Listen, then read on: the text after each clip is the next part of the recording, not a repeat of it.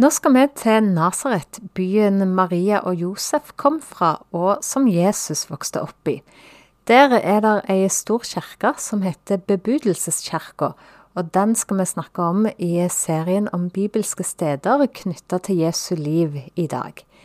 Bebudelseskirka er et litt spesielt navn som kan være vanskelig å forstå, så reiseleder Arne Berge forklarer hvorfor han har fått det navnet. Ja, Ordet bebudelse er jo ikke et ord vi bruker til vanlig. Jeg ville gjerne, liksom gjerne kalt den for budskapskirka. Altså, det som det dreier seg om, er at kirka er bygd til minne om at jomfru Maria fikk budskap fra Gud gjennom engelen Gabriel om at hun skulle bli Jesus sin mor. Bebudelseskirka er ei stor kirke. Den er bygd i lyse stein. Og så har han striper av lyserosa steiner. På veggene ved inngangen så er det både skrift og der er bilder skåret ut i disse steinene. Hva er det der står skrevet på over, over inngangen?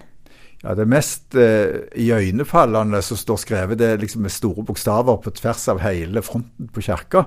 Så står det det bibelverset som er ganske kjent fra innledningen på Johannesevangeliet, der det står at ordet ble menneske og tok bostad imellom oss. Dette står på latin, da. Altså, Hva andre utsmykkinger er det? Ja, Det er forskjellige utsmykninger. altså eh, De fire evangelistene, altså Matteus, Markus, Lukas og Johannes, er det bilde av. Eh, og så er det eh, bilde av Eller det er, det er en stri, striper eh, som markerer forskjellige ting. da. Det er liksom symbolikk som ligger i dette her. Hva slags uh, symbolikk da? Ja, altså, Noe av det som er litt spesielt her, som jeg egentlig ikke aldri har funnet skikkelig svar på, det er at uh, dette er den eneste kirka, så vidt jeg vet, som jeg har sett der uh, den greske tankegangen om fire elementer er med i kirkeutsmykninga. Det dreier seg om De fire elementene er jo da luft og vann og jord og ild. Og jeg har lest meg til at de ligger som altså lag lagvis i denne fronten på kirka. Sånn at det på en måte kan gjerne symbolisere at Jesus måtte helt inn i vår jordiske tilværelse når han ble menneske. Før vi går eh, inn i kirka, så kan vi gjerne ta en kikk på dørene, for de er ganske spesielle. Ja, det er en dobbelt stor dør inn til kirka som er eh, prega med bronserelieffer fra Jesu liv. Eh, og Det ligger liksom i rekkefølge. sånn Begynner oppe til venstre på den ene døra, og så går det ned gjennom. Det er liksom fra fødselen, det er fra, det er fra når Jesus ble presentert i tempelet og flukt til Egypt, liksom fra barndommen hans. da, Så er det jo òg videre fra Jesu under og Jesu taler det er bilder av. Og det ender opp med korsfestelsen. Eh, sånn at eh, det er ganske flotte greier, og det er, det er svære dører. Men det, det, er egentlig ikke de vi går inn for. Når vi har stått og sett litt på dette her og beundra eh, denne kunsten som det da er, så tar vi til høyre og går inn en sidedør. Og da kommer vi videre inn i kirka. Hvordan ser det ut inni kirka man kommer inn? Kirka er egentlig man kan nesten si tre plan. Eh, hvis vi går inn hoved, eller den døra som er vanlig å gå inn, så kommer en ned i ei underetasje. Eh, og der er det et rom som òg er senka ned enda lavere, og der ligger det ei gammel grotte. Og det er, liksom, det er da utgangspunktet for eh, at kirka er bygd akkurat der det. Det er tanken at dette var jomfru Maria sitt hjem. At den grotta er i tilknytning til hennes hjem. Og så er det da eh, den etasjen som er rundt der, en kan stå og se ned på denne grotta. Og så i tillegg så er det hovedetasje ovenpå, der det er et stort kirkerom som blir brukt til gudstjenester. Eh, ja, det blir brukt til gudstjenester der nede òg, altså, men, men, på begge nivåene, egentlig. Og som i mange andre kirker, så er det god akustikk inne. Eh, og vi skal høre sang som er tatt opp i eh, kirka av deltakere på en tidligere tur til Israel. Her sitter ei gruppe med mennesker og synger rett ut forbi denne grotta som er inne i kirka, hvor man tror at Maria fikk budskapet om at hun skulle føde Jesus.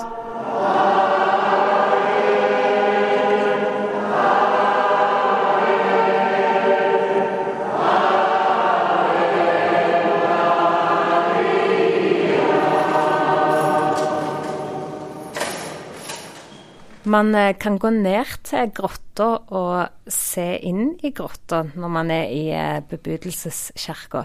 Hva tanker får du når du gjør det og ser stedet hvor Maria fikk denne spesielle beskjeden om å bli mor til Jesus? Altså, det, det, jeg syns det er vanskelig å se for seg at den grotta er et hjem. Altså, for dette er jo på en måte gjort så mye med stedet etter hvert at det er blitt som et lite kapell med et alter. Men det føles jo absolutt så en får en nærhet likevel til bibelfortellingen nettopp ved at eh, ja, det er utsmykt med tanke nettopp på denne bibelfortellingen. Og, og vi leser gjerne bibelfortellingen der, og, og, og knytter den til dette, dette, akkurat dette stedet. Men da Elisabeth var i sjette måned, ble engelen Gabriel sendt fra Gud til en by i Galilea som heter Nasaret. Var det vanlig at folk bodde i sånne grotter? Altså, de, de, jeg tror nok at det er rettere å si at grotter og hus gjerne litt, i Øvik hverandre. Men, men, akkurat det er litt sånn uklart. Det er jo òg uklart i forbindelse med Jesu fødsel i Betlehem, altså om det var i grotte eller et hus og sånt. Så det, det, er liksom ikke helt Det er ikke opplagt, for meg i hvert fall, eh, at akkurat at de bodde i grotter. For det, samtidig så tenker vi nok at de hadde enkle hus av stein. Eh, så jeg ser for meg en kombinasjon av dette, egentlig. Hvis en eh, går eh, litt opp igjen da, til et av de andre nivåene som du nevnte i kirka, så er det samla mange malerier av Maria og Jesusbarnet. Du må fortelle litt om disse. Ja, altså dette er ikke en veldig gammel kirke. Det er en kirke som er bygd over tidligere kirker på stedet. og Kirka var ferdig i 1969. og I forbindelse med det så har en da hatt en form for en innsamling av kunst fra katolske kirker rundt omkring i hele verden, der, de har, der en har sendt inn eh, kunstverk av Maria med Jesusbarnet, som er prega av den kulturen der bildet kom ifra. Og Det er ganske interessant, fordi det viser f.eks. en kan se en japansk Maria i kimono. En kan se sørafrikansk Maria i klær typiske derifra. Eh, en kan se spansk og italiensk og gresk og Ja, i det hele tatt så er det, altså fra hele verden. Det er enormt mange sånne bilder. Og alle har det samme motivet eh, i utgangspunktet med denne Mariaskikkelsen med Jesusbarnet, men det har likevel veldig forskjellige uttrykk fra forskjellige kulturer. Og, og, og, I forbindelse med det så kan vi jo si at for meg taler det ganske kraftig om at Jesus ble en av oss. Altså dette at Jesus, Guds sønn, ble menneske. Eh, at folk i ulike deler av verden òg ser for seg at han ble en av de. Gjennom at de er, Maria og Jesusbarnet her blir kledd og, og får et uttrykksform som hører til de ulike kulturene. Så du syns ikke det er problematisk eh, at eh, Maria ble framstilt på andre måter enn det hun ville sett ut som i Israel? Ja, altså du kan si at Vi har jo våre forestillinger. Eh, for så er jo et av de mest kjente norske bildene av Jesus, Henrik Sørensen, som jo er en veldig lys skikkelse som absolutt ikke kommer fra Midtøsten, men som likevel vil eh, bli oppfatta som en nordisk Jesus, nærmest. Og På samme måten så tenker jeg at det, dette med inkarnasjonen, altså at Jesus, at Guds sønn ble menneske, eh, har noe med at uh, det er mulig for oss òg å se han inn i vår egen kultur.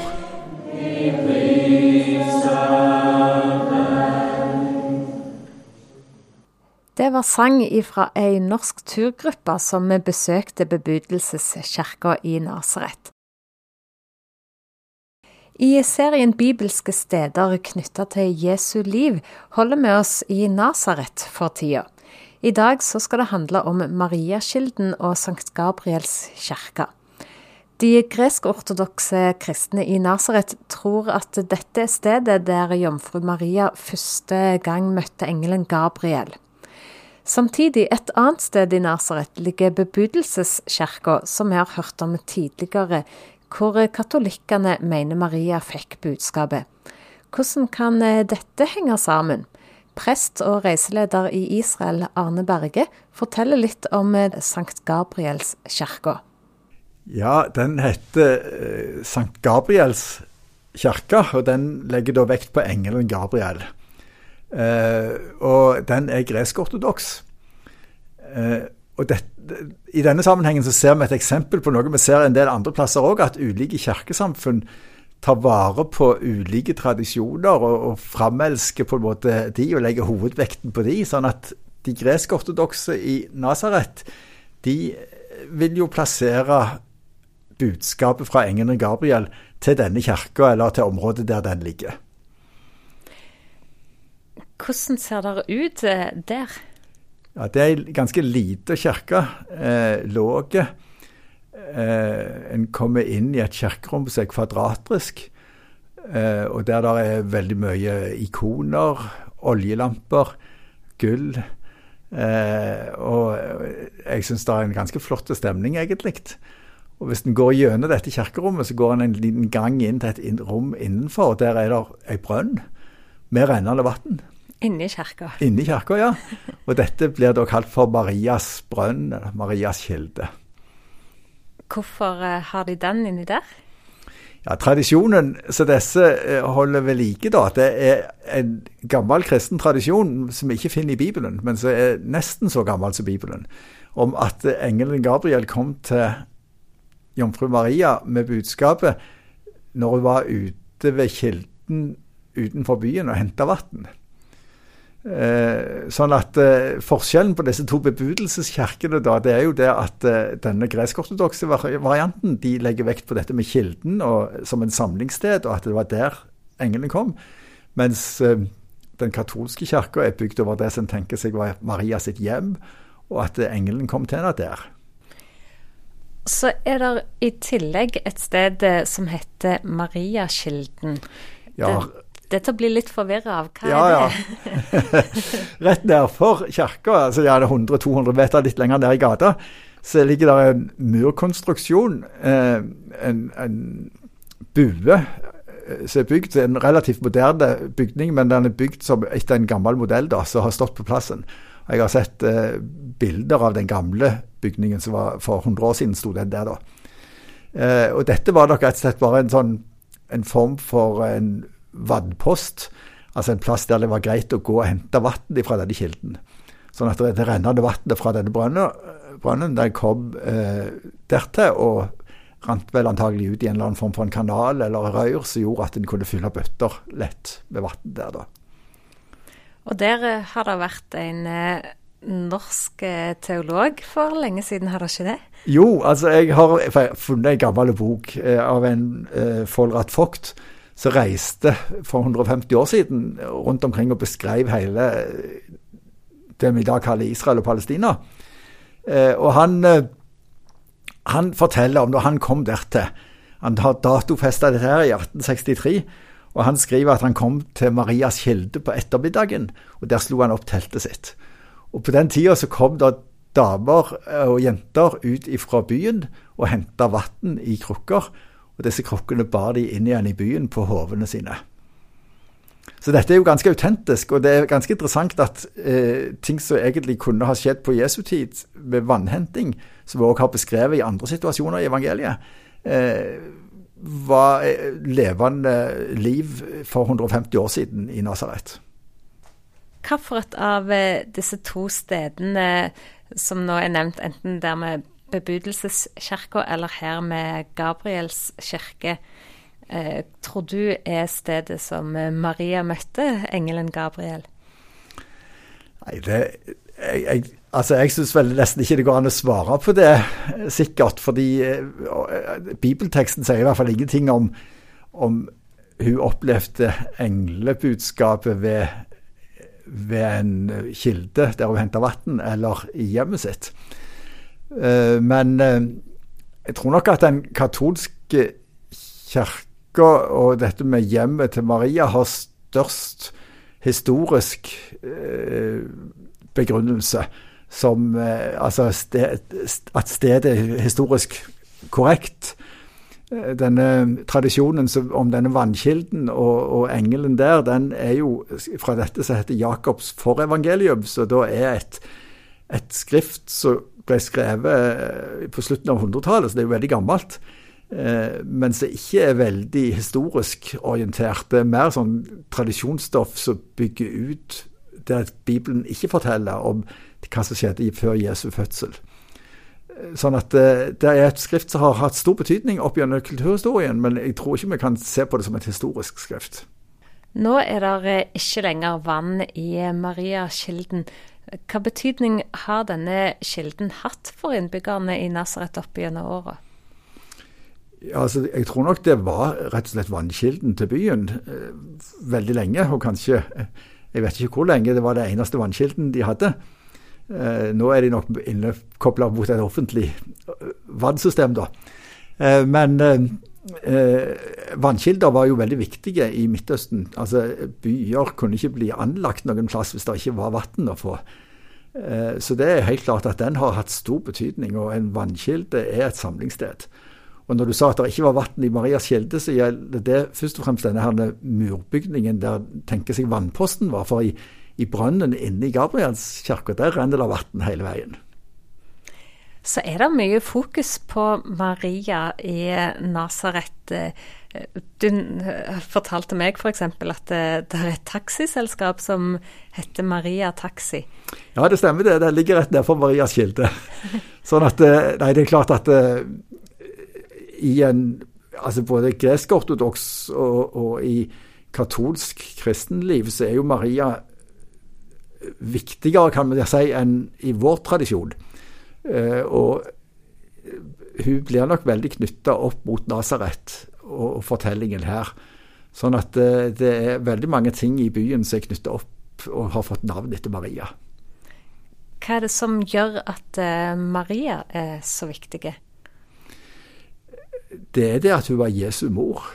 Altså, opp gjennom i kirkehistorien så har jo det vært store diskusjoner om hva, hvordan, hva rolle Maria skulle ha.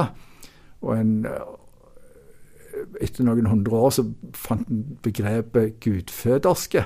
Altså det at eh, Gud lot seg føde inn i verden av ei kvinne. Og at hun fikk et helt spesielt oppdrag i livet sitt ved å være Jesu mor. Så eh, Det er bakgrunnen for at i disse kirkesamfunnene så har Maria en veldig stor og viktig posisjon.